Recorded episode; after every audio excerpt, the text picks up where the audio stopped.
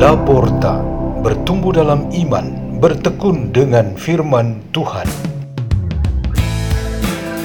Radio Laporta, pintu terbuka bagimu untuk pertumbuhan pengetahuan dan kebijaksanaan tentang Allah.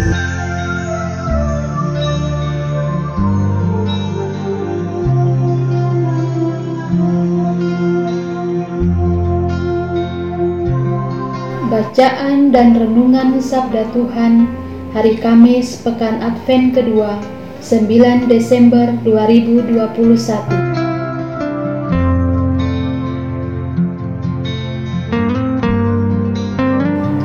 Dibawakan oleh Suster Lucy dan Suster Valentina dari Biara SDMJ Ciputat, Paroki Ciputat, Keuskupan Agung, Jakarta.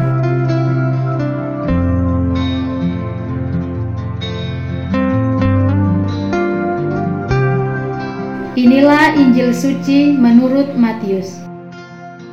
Pada suatu hari, Yesus berkata kepada orang banyak, "Aku berkata kepadamu, sesungguhnya di antara mereka yang dilahirkan oleh perempuan tidak pernah tampil seorang yang lebih besar daripada Yohanes Pembaptis. Namun, yang terkecil dalam kerajaan surga lebih besar daripadanya." Sejak tampilnya Yohanes Pembaptis hingga sekarang, kerajaan surga dirongrong dan orang yang merongrongnya mencoba menguasainya. Sebab semua kitab para nabi dan kitab Taurat bernubuat hingga tampilnya Yohanes. Dan jika kalian mau menerimanya, Yohanes itulah Elia yang akan datang itu. Barang siapa bertelinga, hendaklah ia mendengar. Demikianlah sabda Tuhan.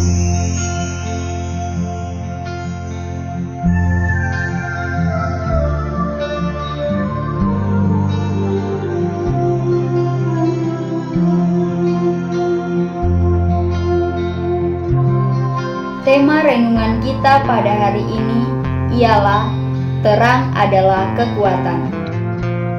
Ada seorang imam misionaris bercerita tentang perjalanannya ke sebuah stasi dengan kondisi jalan yang sangat parah di waktu musim hujan. Sepeda motornya mogok persis di pertengahan jalan dan tempat itu jauh sekali dari kampung yang terdekat. Saat itu sudah mulai gelap. Ia terpaksa meninggalkan sepeda motor itu dan berjalan kaki menuju stasi. Ia hanya mengandalkan lampu senter yang kekuatan baterainya hanya 50%. Meskipun demikian, lampu senter itu adalah kekuatan sehingga ia dapat sampai di stasi dengan selamat dan begitu gembira disambut hangat oleh umatnya. Lampu senter kepercayaan diri dan semangat pelayanan misionaris itu merupakan terang yang menjadi kekuatan. Peran sebuah terang ialah sebagai kekuatan untuk melawan dan menyingkirkan kegelapan atau kekaburan. Masa Advent menyadarkan kita untuk mengangkat muka dan hati kita untuk melihat terang Tuhan yang bercahaya lembut menyinari hidup kita yang mungkin terlanjur berada dalam kegelapan. Kelemahan apa pun di dalam diri kita diterangi, maka pengharapan kita menjadi kuat. Apa pun jenis kelemahan itu tidak berdaya ketika diterangi. Pernyataan terkenal Santo Paulus ialah, "Di dalam kelemahan kita, kekuatan dan kuasa Allah mencapai kesempurnaan. 2 Korintus bab 12 ayat 9 sampai 10. Hal ini tepat sekali dengan nubuat Nabi Yesaya dalam bacaan pertama hari ini. yang mengatakan bahwa Tuhan Allah yang menolong kita dan memberikan kita kekuatan. Kerendahan yang dipandang dunia akan ditinggikan oleh Tuhan. Demikian Injil pada hari ini. Tendensi alamiah manusia yang ingin menonjolkan kekuatannya sendiri akan tunduk pada kekuatan Allah ini. Kekuatan manusia dan teknologi ada batasnya. Kekayaan duniawi akan habis juga. Tuhan hendak menggantikan penonjolan kekuatan sendiri atau kesombongan dengan kelemah lembutan hati. Orang yang berhati lemah lembut aslinya adalah mereka yang rendah hati.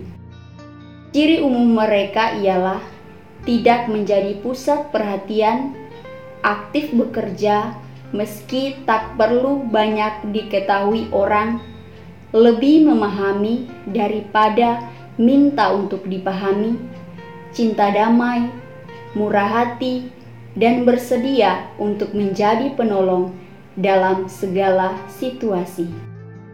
Ciri umum ini hanya seberapa bila dibandingkan dengan hidup nyata orang yang lemah lembut hatinya, yang penuh dengan kebaikan hati. Kalau bunga didatangi oleh kupu-kupu karena ia memang berguna. Kalau gula didatangi oleh semut karena ia memang manis. Kalau hujan tidak menetap di awan, tetapi turun untuk membasahi tanah. Kalau derek harus turun supaya bisa membawa kontainer berat naik ke tempat yang dituju. Begitulah sikap lemah lembut. Tuhan memang kodratnya seperti itu, didatangi oleh kita yang memerlukan, tapi juga mendatangi karena menolong kita. Marilah kita berdoa. Ya Tuhan Yesus Kristus, Berkatilah dan kuatkanlah kami, supaya kami menjadi lembut dan rendah hati seperti Engkau sendiri. Salam Maria, penuh rahmat Tuhan sertamu, terpujilah Engkau di antara wanita, dan terpujilah buah tubuhmu Yesus. Santa Maria, Bunda Allah, doakanlah kami yang berdosa ini sekarang dan waktu kami mati. Amin. Dalam nama Bapa dan Putra dan Roh Kudus. Amin.